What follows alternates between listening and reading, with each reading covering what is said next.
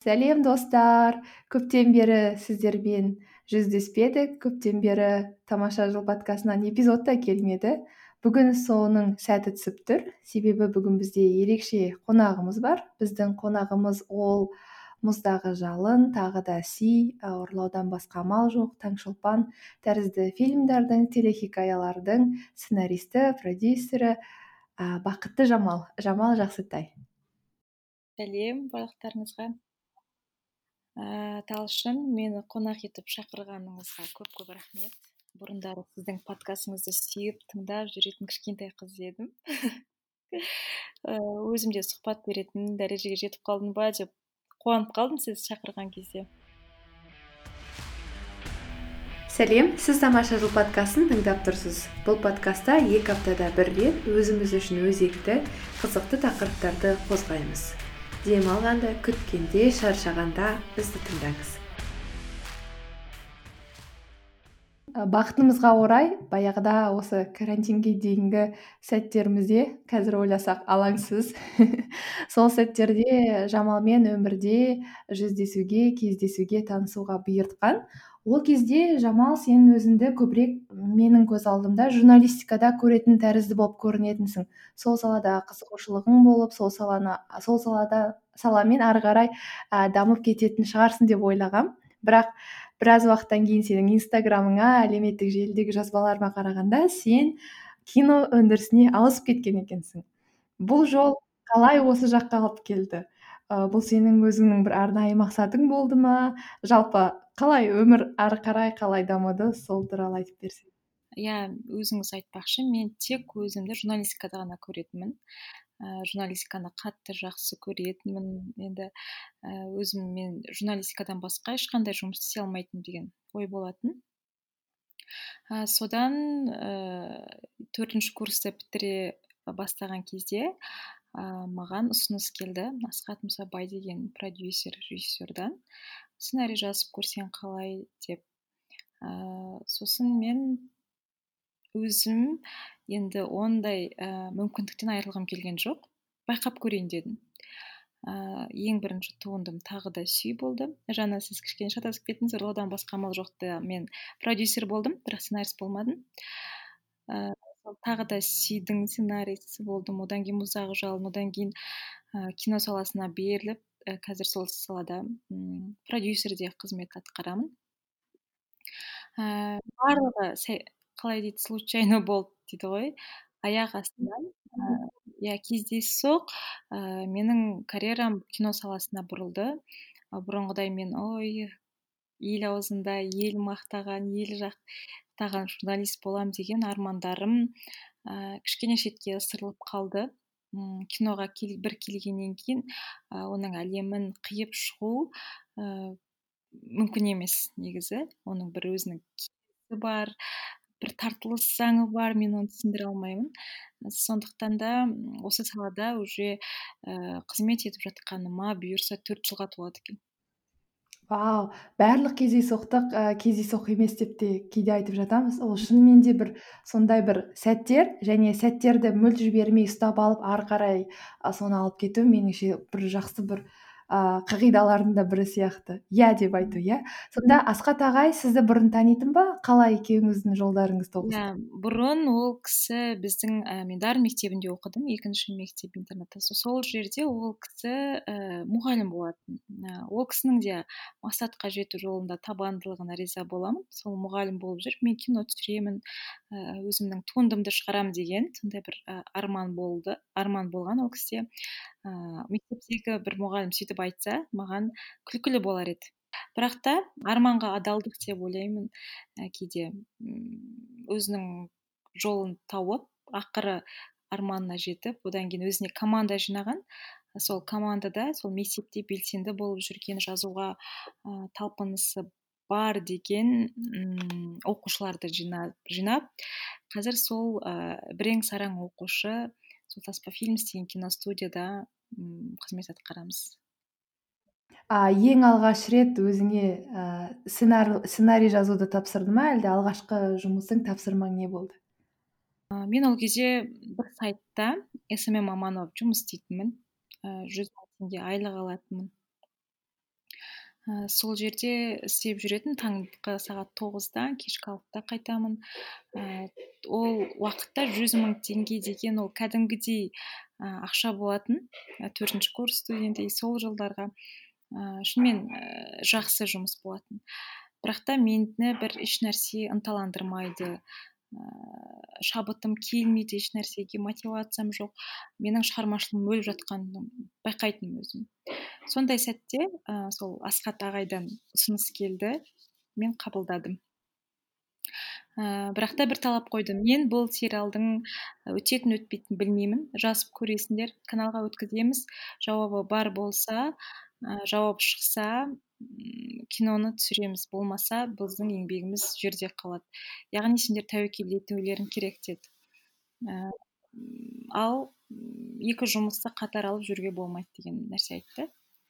Ә, себебі фокус бұзылады деп сөйтіп көп ойландым өйткені ондай тәуекелдерге көп адам бара бермейді мен қалай ақшаны төлеймін квартира ақшасы бар иә алматыда қалай күн көремін ыыы деген нәрсені бірақ та адам өзіне сондай бір шектеулер і материалдық шектеулер әсіресе қоя берсе ә, еш нәрсеге жетпейді деген мотивациялық оқып алғанмын ә, мен тәуекел жасадым. Аш қалмаспын ә, киімсіз қалмаспын. Бір нәрсесі болар. Бірақ мен осыны жазуым керек деп солай ә, жұмысымнан бір күнде шықтым да осы сценарийді жаздым. Бірақ қазір есімде жоқ. Ол үш ай ма біз ә, жауабын күттік. Ә, сол моментте қалай күн көргенімді қалай төлегенімді ә, бір қарызға батып қиналғаным да есімде жоқ. Бірақ сол моменттер бірақ сол шешімім үшін өзімді әлі күнге дейін мақтан тұтамын. А, негізі осы сұрақ мені соңғы кезде ойлантып жүрген. Өйткені мен университетте сабақ беремін және қазіргі кезеңде студенттеріміздің көпшілігінің екінші жұмыстары бар. Әсіресе барлық онлайн ауысып кеткендіктен сабаққа да қатысу міндетті емес нәтижесінде көбірек уақыты бар. Бірақ таңдаған жұмыстарына қараған кезде кейде мен ойлаймын қысқа мерзімдік осы сәтте берілетін аз ақша үшін ұзақ мерзімдігі кезеңдегі армандарын ұмытып кетпесе екен деп ойлаймын. Өйткені көбінесе ұзақ мерзімді кезеңге алып келетін жұмыстар олар бірден беріле қоймайды ғой ол жерде тегін жұмыс істеу керексің тегін тәжірибеден өту керексің біраз уақыт жүресің иә? Тесттен өтесің деген тәрізді. Ал кейбіреулері тек барып жаңағы бірдеңкені таси қояды бірдеңкені істей қоятын механикалық жұмыстарды да істеп алданып қалмаса деп ойлаймын. Сенікі бұл жерде өте тамаша кейс. Дәл сол ұзақ мерзімдегі арманың үшін қысқа мерзімдегі бір істерден сол тез келетін пайдадан бас тарта отырып сен болашағың үшін үлкен инвестиция жасадың. Иә адамда қорқыныш болады әсіресе сол материалдық жағынан. Ыыы өйтіп жұмыс істейтіндер енді сол қалай күн көремін не киінемін достарымнан қалай сондай мақсат тұрады да бірінші орында.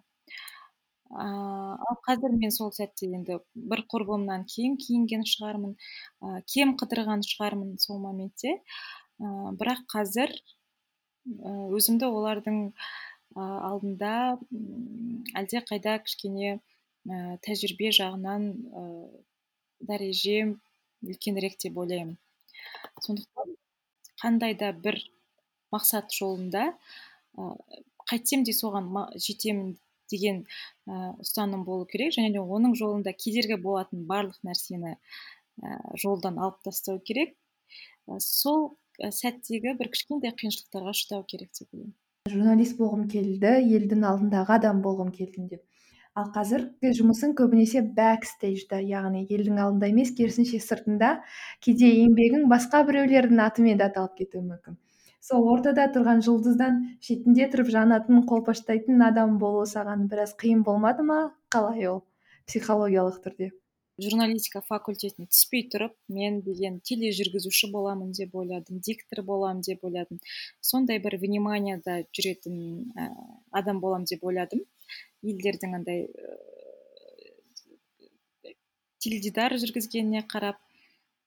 Дегенмен журналистикаға бір рахмет айтатыным журналистика факультетіне. Менің ол армандарымның сондай бір жылтыр ә, сондай төмен арман екеніне көз жеткізді. Менің мұғалімдерім ә, ол жердегі білім нағыз журналистика ол зерттеу кадр сыртында ә, тек қолтаңбамен қалатынын түсіндім. Ол сенің бетіңнің жылтырлығы ә, қоғамға жалпы халыққа пайдасын тигізбеуі мүмкін. Эгоны қанағаттандыратын жұмыс екенін түсіндім. Ал нағыз сен адамдарға көмектесуден рахаттанатын адам болсаң онда сенің жұмысың кадр сыртында.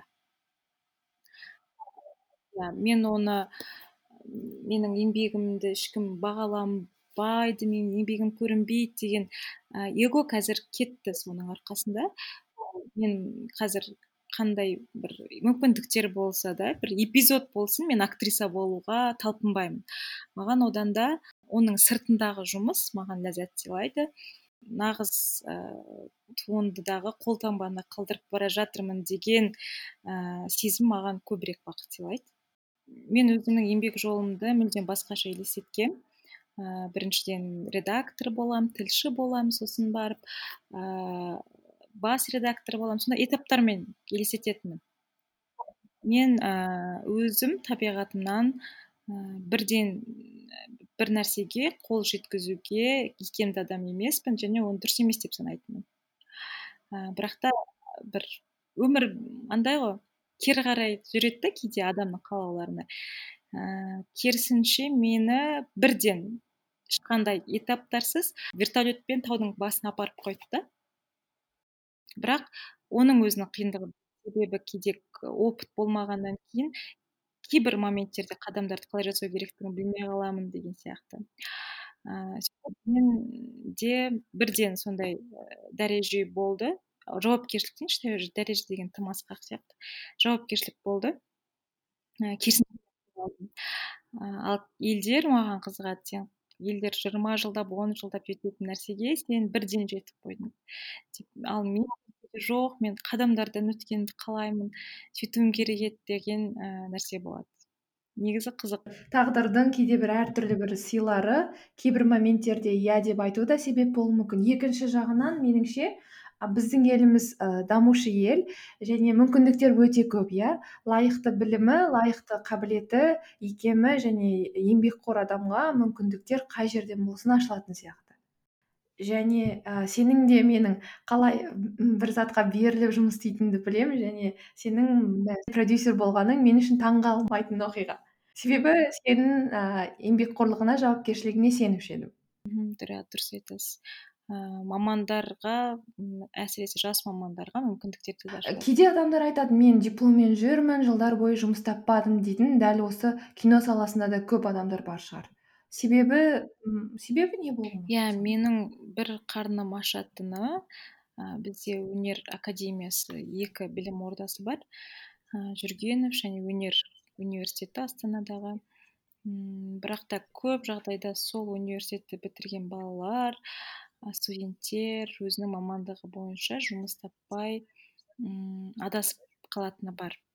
Себебі бізде ыыы шынымен жұмыспен қамту сол өнер жағын сәл әлсіз.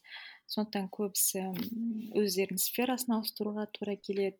Ұқсас баспасөз қызметтерінде істеуге тура келеді. Сондай бір моменттер бар. Бұл жерде жұмыстардың болмауынан ба әлде бітірген түлектердің сәйкес а, нақты резюме бойынша мысалға қабілеттерін не тәжірибесінің болмауы? Жалғыз өнер саласы демеймін. Біздегі кез келген мамандықта жұмысқа іліну үшін өзінің университет бітіргенін күтеді дипломын алады сосын барып компанияға барады. Олар сұрайды не үшін? дейді да? Бұл не үшін? Маған диплом керек жоқ маған маман керек деген сияқты. Қазір көп компаниялар солай сұрайды. Ә, ол диплом деген жай формальность үшін болып қалды. Де білмеймін. Сол нәрсені мен көп адамға түсіндіргім келеді. Ә, бірақ та ондай нәрсені әлі түсіне алмаған сияқты. Мысалға студент болып жүріп сен өз мамандығыңа байланысты кез келген ортада бейімделу үшін тегін істеймін деп сол жердің басшылығына ә, талпыну деген нәрсе жоқ. Өзінің төртінші курс бітірген жүреді ә, мен бітіре саламын маған жұмыс дайын болады деген мақсатта жүреді. Да көп адамдар оқу бітіргеннен кейін өз депрессияға түсіп ііі армандарынан адасып жататын сол себептен деп ойлаймын. Тегін практикадан қашады бірден бола қойса деп ойлайды.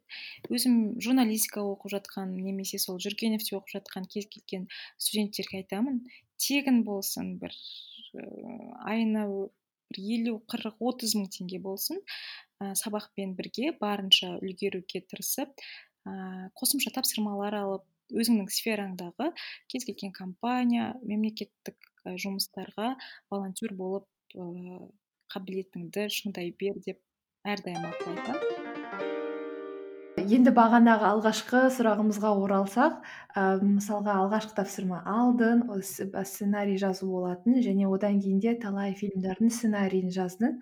Жалпы сценарий жазған кезде әдетте неден бастайсың? Құрылымынан ба? Әлде бөлек бөлек ііі бір сценаларды елестетуден бастайсың ба? Жалпы қалай бұл үлкен мұхиттың ішіне алғашқы қадамыңды қалай жасайсың?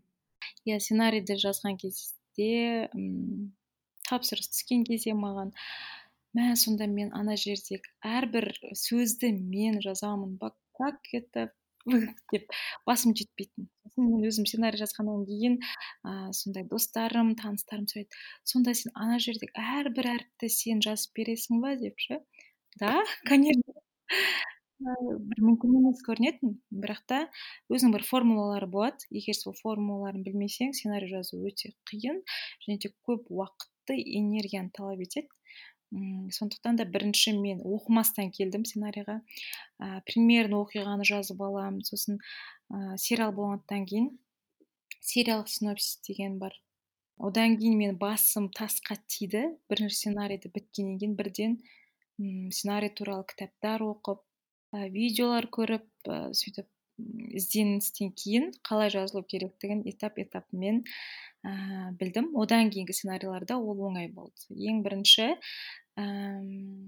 логлайн дейді логлайн деген ол сіз фильміңізді екі сөзбен айтып беруіңіз керек. Яғни сіздің екі сөзбен ііі екі сөйлеммен сіз бүкіл оқиғаны не бұл кино не туралы деген кезде айтып бере алатындай сюжет болу одан кейін екінші қадам библия персонажа дейді. Библия персонажа дегеніміз ол сіз әрбір кейіпкердің оқиғада болатын.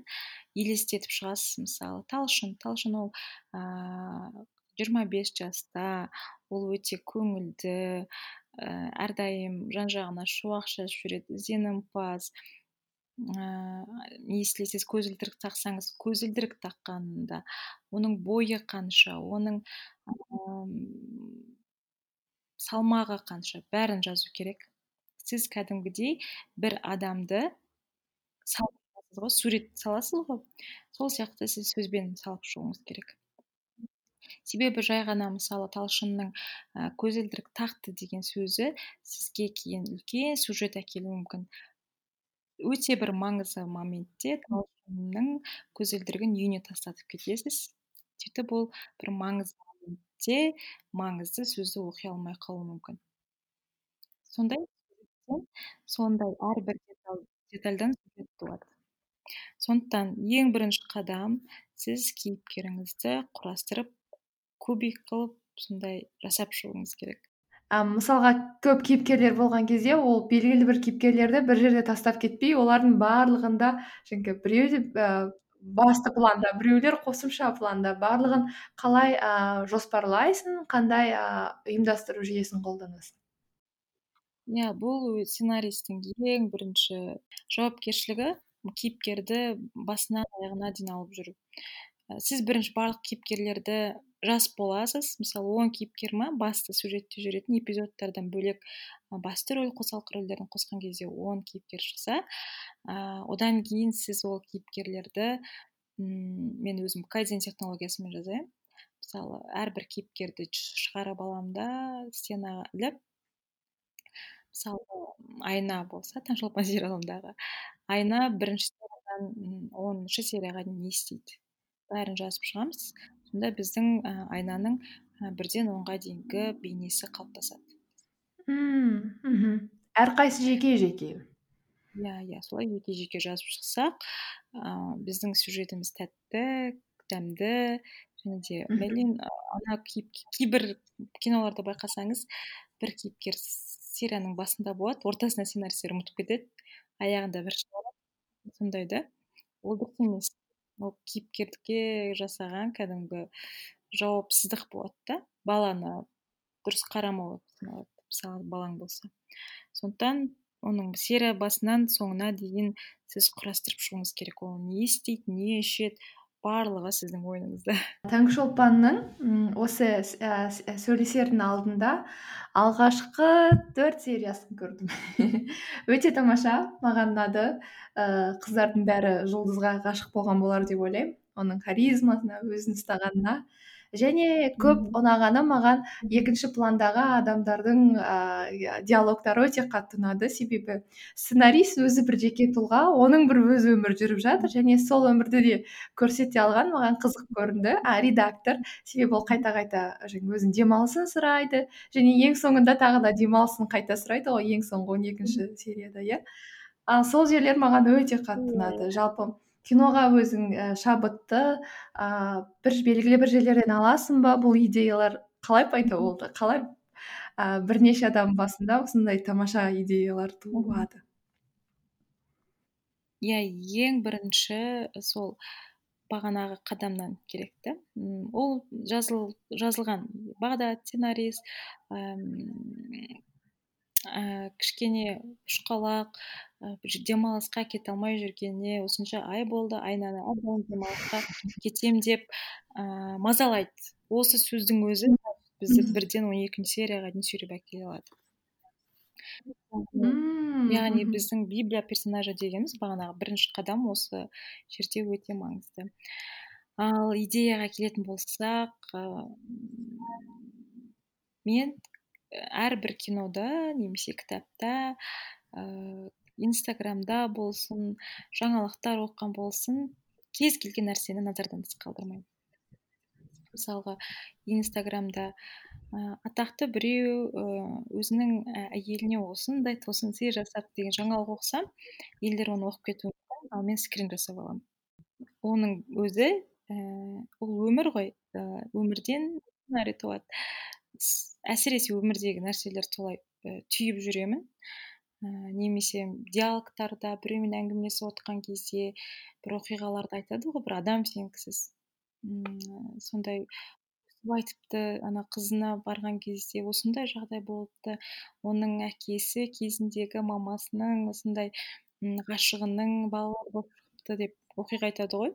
Мысалы елдер естіп сол моментте тастап кетуі мүмкін. Ал мен оны түртіп аламын. Түртіп аламын вордқа жазып қоямын заметкаға жазып қоямын кейде сценарий құрастырып жатқан кезде бір дәмдеуіш приправа жетіспей жатқан кезде сондай жазылған идеяларым өте көп болады менде. Жүз жиырма екі жүз санға дейін кете береді да реттік саны. Сол кезде біреуін пайдаланамын. бұл менің фишкам басқа сценаристерге фишка. Жамал коллектор оқиғаны коллекционер сол кезде идеялар ііі бір бірімен жақсы ұйықтасады мәссаған мына идея саған. Қайдан келді деп сұрауы мүмкін. Ол идеяны сен кезінде біреуден естіген болуы мүмкін. Просто сен мән бермедің. А біздің айырмашылығымыз сол кезде мен оған мән беріп оны түртіп қойғаным вау вау. Иә қыздар жігіттер жамалмен сөйлескен кезде ііі жамалмен болған диалог келесі бір фильмде жүрсе таң қалмайтын шығармыз. Иә айтамын да достарыма. Мен сценарий жазып жатқан кезде маған звондап қалған менімен сөйлесіп қалған адамдар бақытты деймін кейде жазып отырамын кейіпкердің атын таба алмай қаламын да. Сол моментте біреу маған звондап жатса сол адамның атын қойып жіберемін. Сөйтіп бақытжан айна деген атын мәселен қалай таңдалды? Жұлдыз ше а айна деген иә әрине бәрі білетін шығар. Менің сүйікті блогерім айна досқызының құрметіне қойылды. А, бірақ та айна досқызының прототипі деген сөз емес. Жай ғана аты ұнады маған. Және де ерекше әдемі. Оған қоса жеңіл айтылады. Солай айна досқызының құрметіне деп айтамын. Солай қойдым. Ал жұлдыз деген атты қойған кезде барлығы зачем жамал қыздың аты емес па деп. Кез келген сен сериал жазған кезде кез келген кино жазған кезде мен сол саладағы фишкаларды зерттеймін. Журналистика саласы болғандықтан кейін шолпан журналистикада ең бірінші фишка ол адамның есімі. Мысалы бізде әртүрлі адамдарын атқан кезде оның аты мен фамилиясы есте қалады ғой. Нұрсұлтан құрман нартай аралбай деген сияқты. Журналистикада ол ат фишка. Және де сценарийді кинода сол фишкалардан конфликт проблема туғызуға сценарист ретінде міндеттісің. Міндеттісің болған кезде ол өте жақсы құрал. Сол фишкадан проблема жасау. Ә, яғни ә, солай біз ә, журналистикада фишка ең маңызды нәрсе ол адамның есімі болса ә, демек біз бұдан проблема жасауымыз керек деп ә, солай оның атын жұлдыз деп қойдық. Және де жұлдыз деген кезде барлығы күледі шеф редактор айтады мүмкін сен атыңды ауыстырасың хотя бы жұлдызбек деп қояйық көрермен қабылдамайды деген кезде жоқ ауыстырмаймын дейді. Себебі ол атын ауыстырып жіберсе кезінде ата анасы оны ә, таба алмай қалады деген қорқыныш бар да. Сондықтан ол сондай бір екі ортада жүретін конфликт үшін қойылған. Біріншіден көрермен назар аудартады неге жұлдыз деп қойды? деген сөздің өзі ол ә, сценаристтің шеберлігі деп білемін. Мм ол сериалдың басында да өзі сөйтіп бастайды ғой иә? Yeah, менің атым жұлдыз деп. Иә иә. Жерде жатып өйтіп сөйтсем ол кейін барлық идеялар бір бірімен байланысып тұр екен ғой. Оның басында жерде жатып өзін сөйтіп айтып таныстыру да бекер емес болып тұр. Иә иә солай. Соңында м сол атын ауыстырмай сондай бір өзінің фишкасы болып кетті кейіпкердің. А сосын маған ұнаған заттардың бірі фил әр серияның соңында тоқтап қалып соң интрига болатын да. Келесі серияда ары қарай жалғастыратын. Мен басында ревью үшін менде қазір докторантура сонымен сабақ көп болып жатқан бір сериясын көріп қарайын деп ойладым. Сосын маған өте қызық болып кетті. Ол жерде і жұлдыз құлап кете ма? Бір сол аяқталды ау деймін канатный немен иә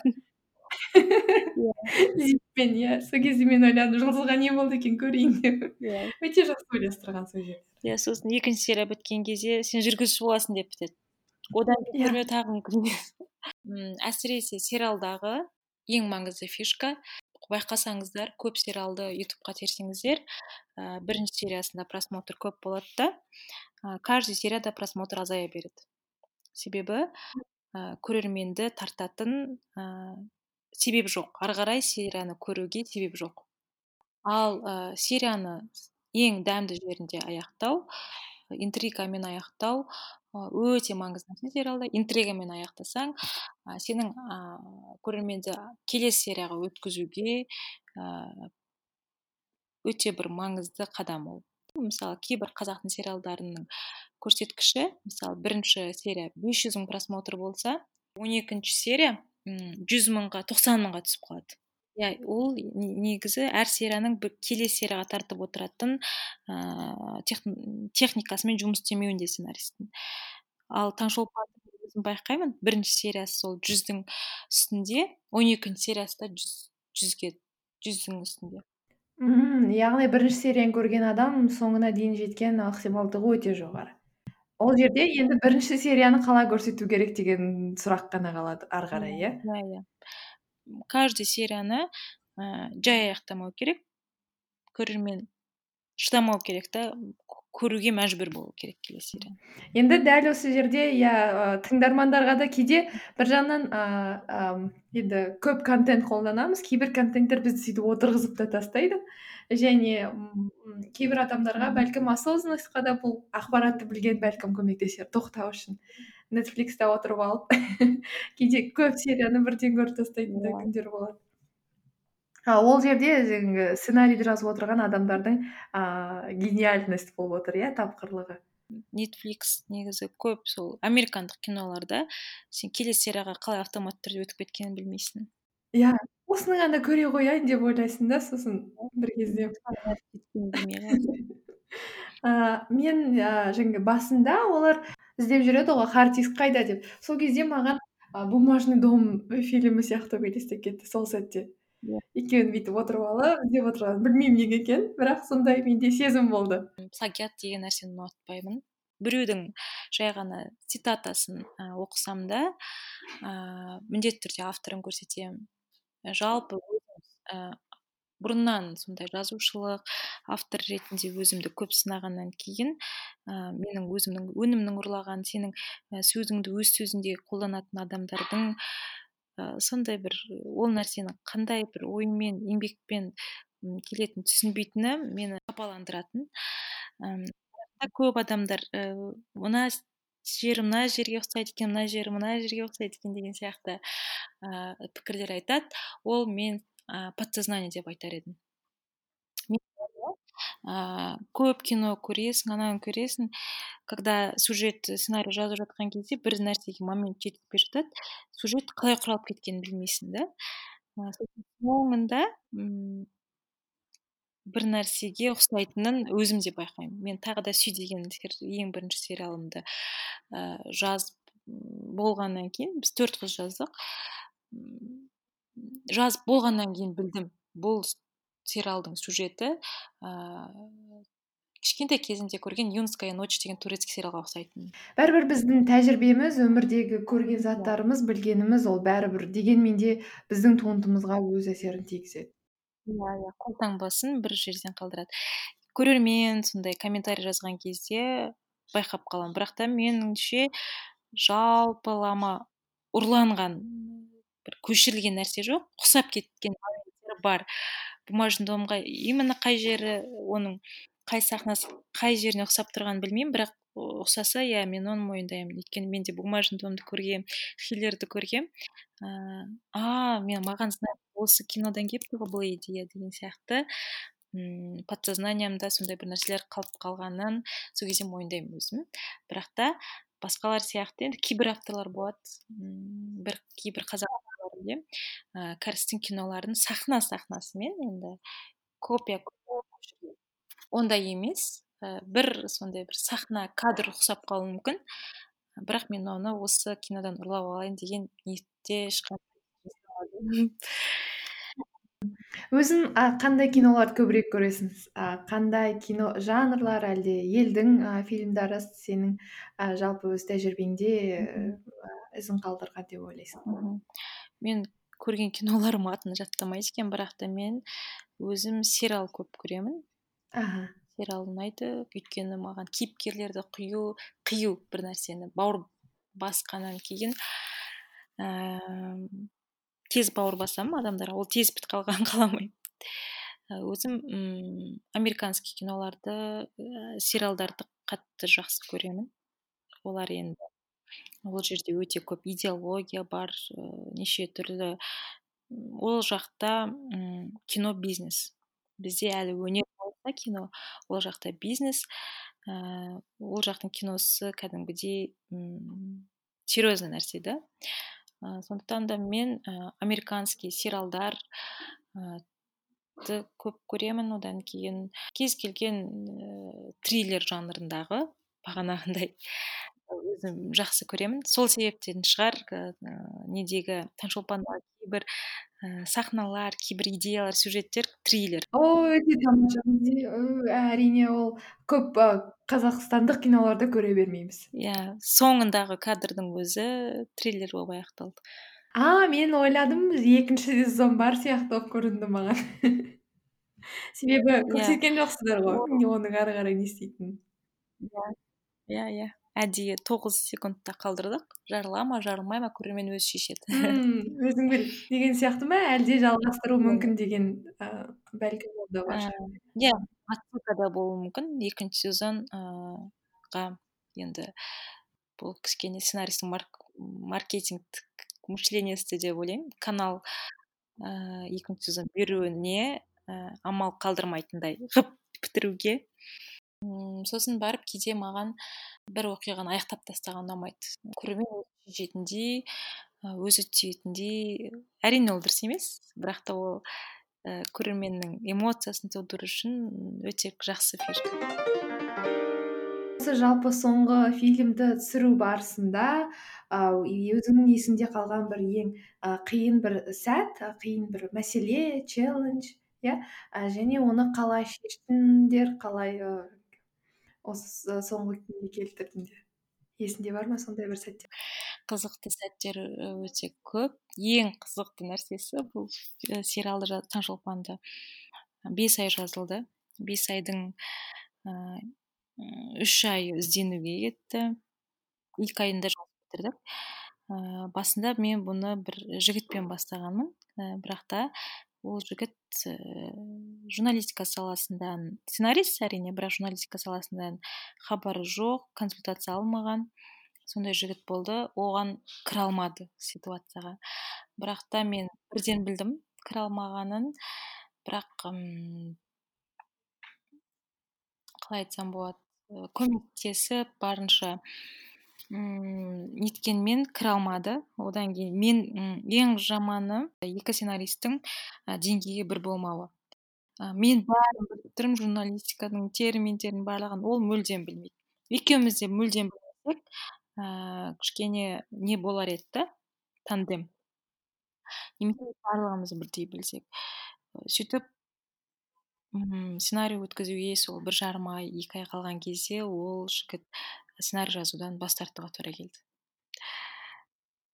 сосын барып өте стресс менде ол жердегі айта алмаймын өзім туралы жаза алмаймын орта жолдан тастау өте қиын орта жолдан партнерыңды ауыстыру өйткені сен екеуің ғана білесің да екеуің араңдағы диалог идея алмасу бірақ сондай жағдай болды. Мен шынымен жаза алмаймын мен ұятқа қаламын деп ойладым. Бірақ диана рахым диляра нүкен деген журналистика факультетінде оқитын және де біздің таспа фильмсе жұмыс жасайтын қыздар болатын. Кезінде тағы да сөйтіп бірге жазған қыздар. Соларды шақырдым. Шын айтсам өте оңай болды.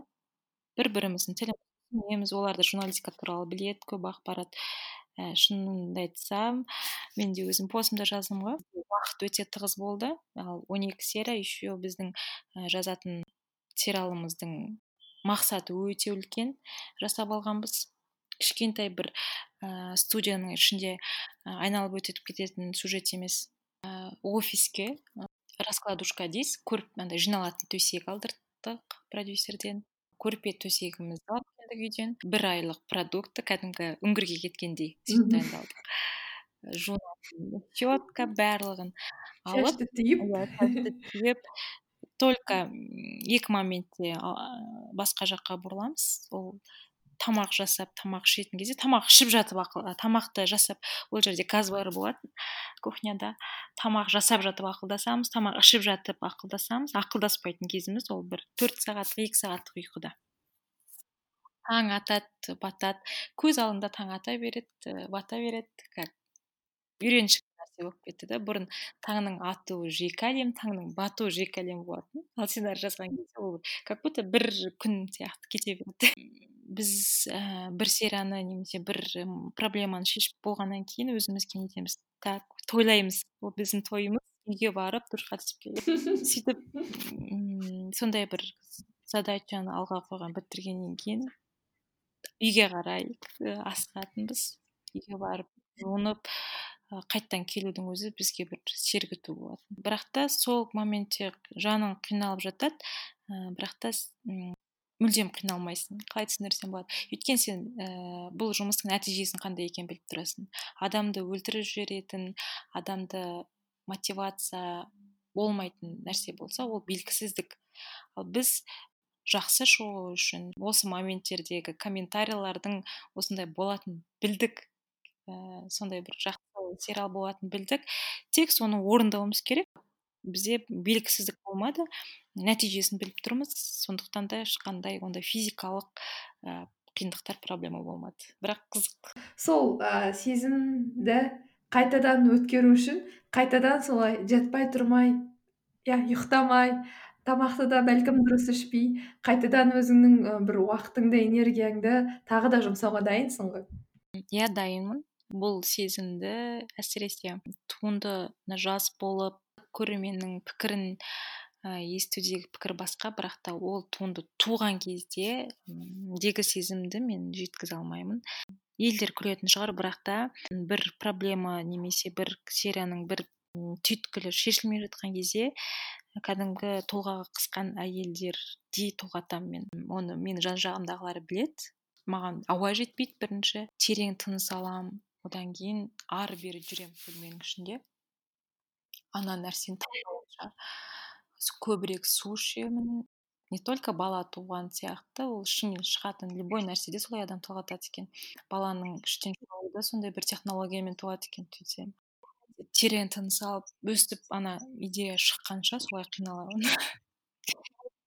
Өте қызық тылсым. Иә бұл бағана біз осы әңгімеміздің басында жазудан бұрын ыыы жамалмен айтып қалдық. Сол бір сәтте бәрібір еркіндік иә бәрібір бір еркіндіктің сезімі. Себебі өзің соны таңдадың өзіңнің жұмысың. Бірақ қанша қиналсаң да ол саған дәл сонша ләззат сыйлайды. Дәл сондай сезімді өткеруге әрбір адамның өзі қалаған мамандығында өзі қалаған жерінде қалаған уақытында солай жұмыс істей алатындай жерін табу меніңше ол бір бір мәртебе ол бақыттың бір деңгейі бір версиясы. Сен сүйген жұмысыңнан шаршағанды біліп тұрасың бірақ оған өкінбейсің. Сондай бір момент болады. Ол мен бұрын ол мүмкін емес. Шаршадың ба? Шаршадың. Ол шаршаған қажу қалай ләззат сыйлайды деп ойлайтынмын бірақ ыыы если сен жұмысыңды сүйсең қажу да ләззат сыйлайтыны ол ақиқат екен. Дәл осы сәтте осы күзде ма поток деген кітапты оқыған болатынмын. Сол кітапта да дәл осы концепция жақсы сипатталған. Ол кісі де жазады да адамдардың түбіндегі мақсаты ол бақытты болу.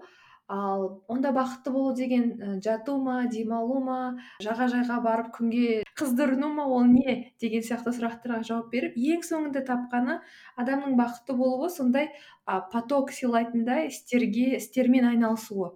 Мәселен және сол бір кезде ол әдетте өте қиын сондай сол сәтте жылататындай қатты бір өзіңді бір жерге тығып алып демалатындай жерді іздейтіндей жағдай болуы мүмкін дегенмен ол біздің әр жолы соған біз кіріп істеген сайын біздің ә, тұлғамыз ә, күрделене түседі.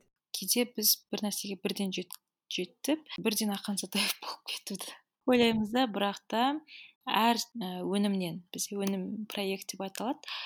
Проект өткен сайын сен өзің өскеніңді байқайсың. бір проектте кеткен қателікті сен екіншісінде жібермеуге тырысасың. Ол ә, табиғи заңдылық. Өсудің табиғи заңдылығын ә, ешкім таптап аттап өте алмайды екен. Ол кинода. бірден жүргізуші болып кетеді жұлдыз. Иә дәл кеше ғана инстаграмда сенің асқар жұмаділдаевтың сөзін салып қойып таңшолпандағыдай армандап жүре бермей жастар жұмыс істейік деп жазғаныңды көргенмін шынымен қазақтың деп айтқан дұрыс па? Білмеймін енді. Қазір патриоттармен нету мүмкін бізде нормальный адамдар тыңдайды біздің менталитетімізде біздің қанымызда сәл қиялшылдық бар көп армандаймыз сондай халықпыз да. Осындай сериалдарды көріп алады жұлдыз сияқты жігіт іздейді. Сондай бір образ жасап алады да өзі. І сол образбен жүреді. И ол образ ең жаманы ол образ өмірде болмай қалса депрессияға түсіп кетеді. Оны да бір адам жазды. Оны да бір сондай жігіттерді армандайтын ә, сондай жетістікке бола бола салатын бір екі қиындықпен ә, сондай нәрсені армандайтын бір жиырма төрт жастағы қыз жазды да оны. Мотивация сыйлайды басқаларға. Маған ең көп келген пікір мен өмірде бұндай жігіт болмайды деп ойлайтынмын. Самом деле болатын шығар. Мен оны күтемін деп жазады қыздардың көбісі идеал қылып алды. Бірақ та ол қыздардың эгосымен жазылған кейіпкер. Себебі кей жағдайда ұлдардың құқығын таптап кеткен жерлер бар жұлдыздың кейіпкері арқылы. Ұлдардың сезімін таптап кеткен сәттер бар. Ол дұрыс емес. Ол өмірде өйтіп айна сияқты тым тік мінез болып ұлдарға жігіттерге ондай мінез көрсету дұрыс емес. Бірақ өйтіп мінез көрсетіп тұрсаң а давай деп айтады да көп жігіт. Не көрсете берсең де сенің артынан қалмайды деген ол иллюзия. иә ситуацияға байланысты. Бір жақты олай айта алмаймыз. Иә өмірдегі жағдайлар туралы. Ыыы ойлаймын енді демалыс болса мен ау таң шолпанның ортасындағы сериалдарды көретін шығармын. Өйткені мен басын және ең соңғы сериясын көрдім. Енді бес алты жеті сегіз тоғыз. Маған өте ұнады. Бір демалтатын сондай жақсы ыыы фильм шыққан тәрізді. Керемет деп айта алмаймын. Мен барынша сол американский кинолар сериалдардың несін базасын ыыы карточный домик сияқты андай сериалдардың ә, сюжетімен ә, жазғым келді. Барынша сондай бір қиын бір сахна екінші сахнаға интрига. Бірақ ол бәрібір ә, сол табиғаттың заңдылығы ыыы шығармайды. Тырыссаң да сол бір м деңгей жетпей тұрады бәрібір. А жалпы қазіргі таңда осы фильм жасаудағы кездесетін басты қиыншылықтар қандай деп ойлайсың? Ең бірінші қиындық ә, мамандардың жетіспеушілігі кадр жетіспеушілігі. Ә, мысалға мен өзім жүргеновте сценарийдің ә, мамандығын бітірген маман емеспін. Мен тек өзімнің ізденушілігіммен өзімдегі базамен сондай бір жазу өнерімен жазып жүрген маманмын. Кәсіби тұрғыдағы маман емеспін. Және де ал кәсіби тұрғыда оқуға ә, келгендер олар талпынбайды ізденбейді деген сияқты. Да сондай бір қарама қайшылықтар бар кадр дайындау саясаты дұрыс емес деп ойлаймын. Менде қай сала болсын әсіресе кинода мамандар жетіспей жатады. Кез келген маман режиссер болсын оператор болсын художник постановщик ыыы киім жөніндегі суретші мен ең көп қарным ашатын сала әсіресе. Бізде мамандар жоқ. Одан кейін ә, жүргеновпен ә, өнер өнер институты жалпы. Жалпы қазақстанда кино актерларын дайындайтын оқыту ә, базасы жоқ. Барлығы ә, театр актерларын дайындайды. Театр бөлек кино бөлек. Ә, бізде өте аз актрисалар мен актерлар театрда ойнау мен кинодағы ойнауды ажыратып ойнайтын. Ал көп актерлар бізде сол театр ыыы актерларын дайындайтын оқуды бітіреді да кинода театр болып ойнайтын содан. Сәл сенімсіз болатыны. А жалпы мәселен қабілетті идеясы бар адам деп ойлайық. А қаржы табу фильмдер түсіруге телесериалдар түсіруге қаржы табу фандрайзинг жасау қаншалықты ыыы оңай қиын немесе? Жалпы біздің ә, кино өндіріске ә, шетелмен салыстырғанда қажетті сома бөлінеді деп айта алмаймын салыстырмалы түрде. Жетіспей жатады бізде мысалы сериалдарда канал бөледі мемлекет бөледі. Сол ақшамен шығамыз. Ал өз ақшаңа түсіріп ә, сериал шығару кино шығару ол сәл қиын нәрсе сенің атағың болса мүмкін болатын шығар. Өзің ютуб арқылы өніміңді жарыққа шығаруға. Но оның өз өзіне де көбірек ақша керек. Кем дегенде бір серияға бес миллион алты миллион жеті миллиондай кетіп қалады. Қазір өзің ә, сценарий жазудан продюсерлікке де ауыстың. Иә және мен сенің ә, жалпы әлеуметтік желідегі ә, стористарыңа қарасам көбінесе жамалды қатал ә, продюсер ретінде көрсетіп жазған сияқты көрінесің. Қаталсың ба? Қатал адам емеспін негізі. Ә, мен талапшылмын және де мінезім тура. Сондықтан да көп адамдар ә, мені қатал деп ойлайтын шығар. Бірақ та мен ә, жұмыста ә, жұмсақ та боламын кейде қатал да боламын. Бірақ та кейде мінез көрсетуге тура келетін моменттер болады. Бірақ та ол жұмыс жұмыс күймен сол сәтте сол жерде қалады. Шын айтайын мен бұрын ә, ондай қырларымды байқамағанмын. Кино мен сол мінезімді ашты десем болады. Мен өзімнің ондай қатал талапшыл адам екенімді киноға келген кезде білдім. Өйткені сенің ә, басыңда бір образ бар осылай болу керек мына жерде былай жасалу керек деп барлығын жасап ой туғаннан кейін әрине і сен соған сәйкес барлығын болғанын қалайтын шығарсың мен өзімнің туындыма тек ә, мұзақ жалында ғана продюсер болғанмын. Қалған ә, өнімдерімде өзім жазған продюсер болмағанмын немесе мен продюсер болған өнімдерде мен сценарист болмағанмын. Сондай моменттер көп. Ә, бірақ та маған жауапкершілік артқаннан кейін продюсерде әрбір департамент дейді мысалы костюм костюмге жауап берсе художник художканың жұмыстарына жауап береді ғой ал продюсер оның бәріне жауап береді да. Әрбір департаменттен кейде отчет алуға есеп алуға тура келеді. Әртүрлі адамдар болады әртүрлі мінездер болады.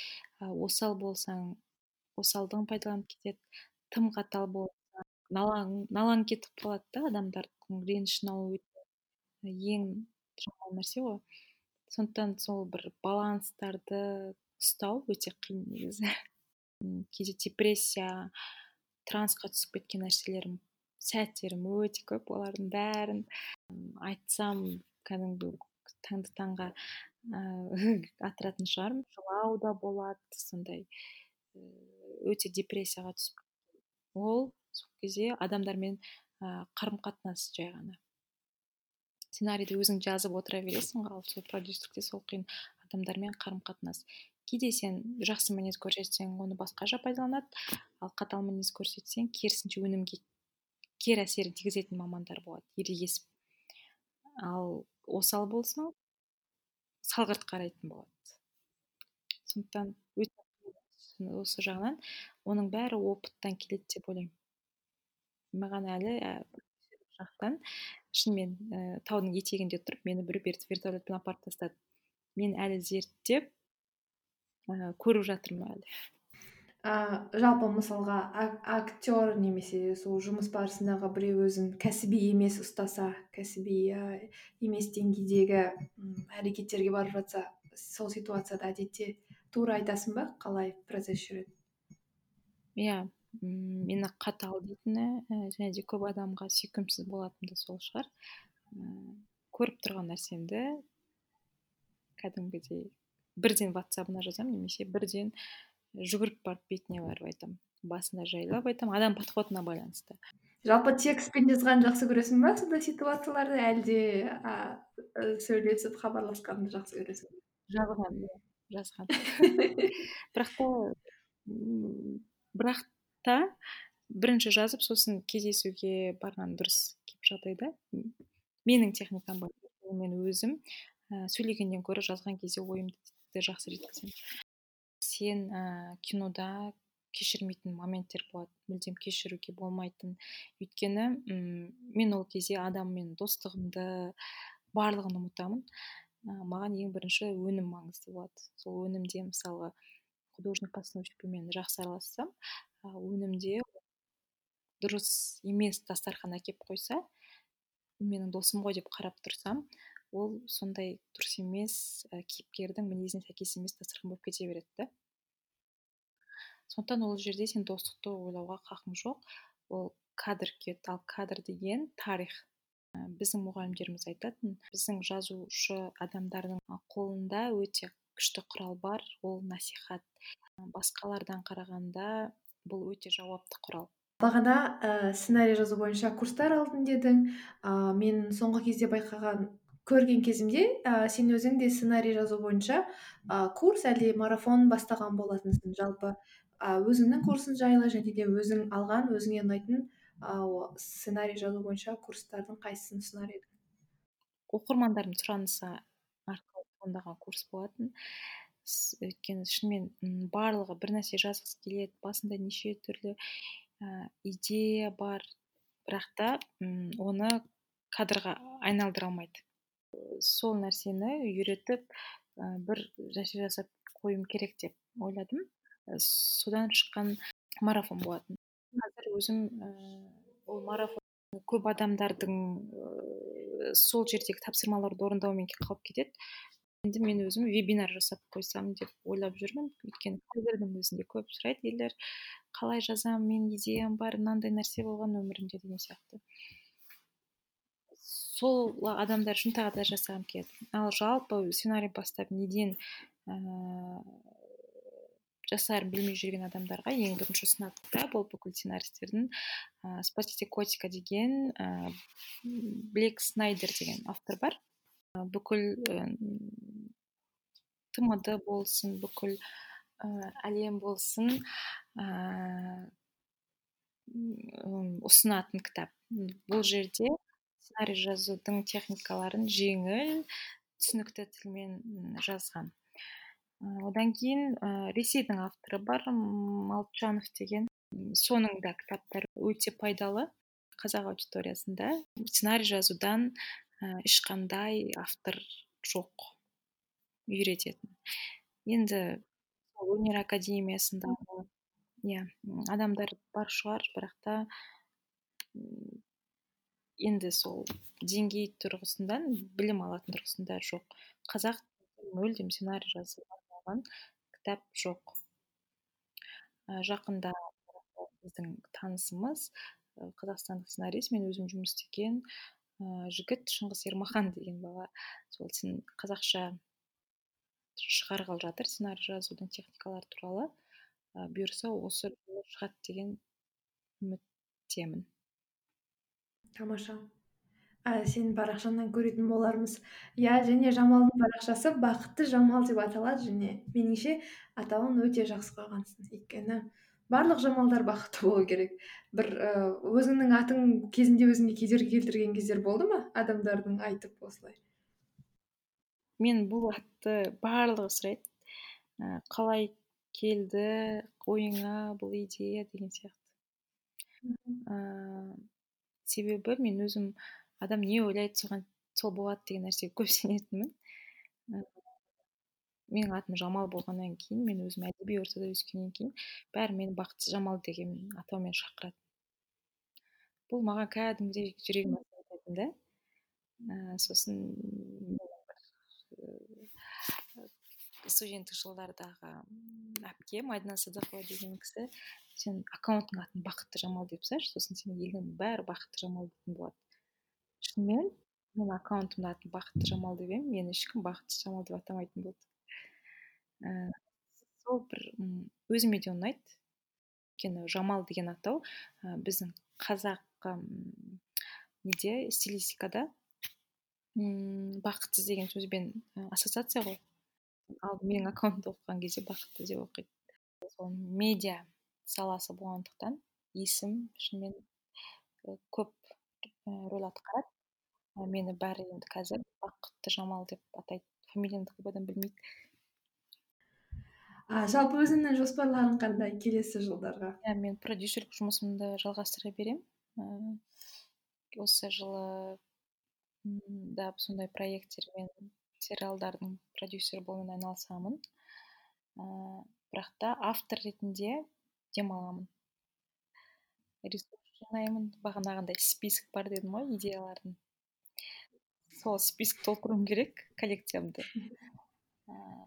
босатып қалды ма список. Иә ол босап қалды таңшолпанмен толтырды таңшолпан алып қойды енді маған ә, ресурс жинау керек одан кейін ұсыныстарға енді болып жатса осы романтикалық ыыы жанрда туындылар жаза бергім келеді кинолар фильмдар да біздің мәдениетті болып жатқан оқиғаларды кейде белгілі бір дәстүрлерімізбен істейтін ритуалдарымызға да әсер етеді. Және ол сондай қуатты екенін білу ыыы тамаша. Және сондай заттарды жасаумен айналысу меніңше одан да керемет сияқты.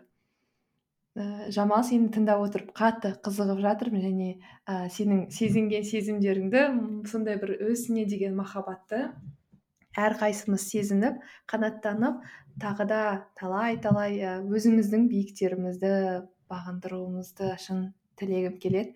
Саған бүгін уақытыңды бөліп осылай ә, бөлісіп жатқаныңа көп рахмет. Шығармашылық көп энергия тілейміз. Ә, талшын сізге де көп рахмет. Ә, мен енді осындай сценарийға байланысты сұхбаттар беремін.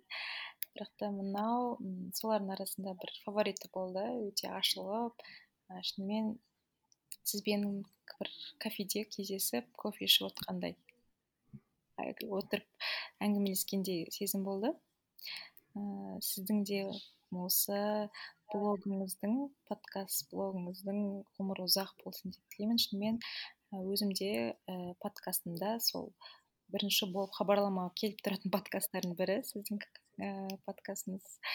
Ііі ары қарай да дами беріңіз деген тілегім бар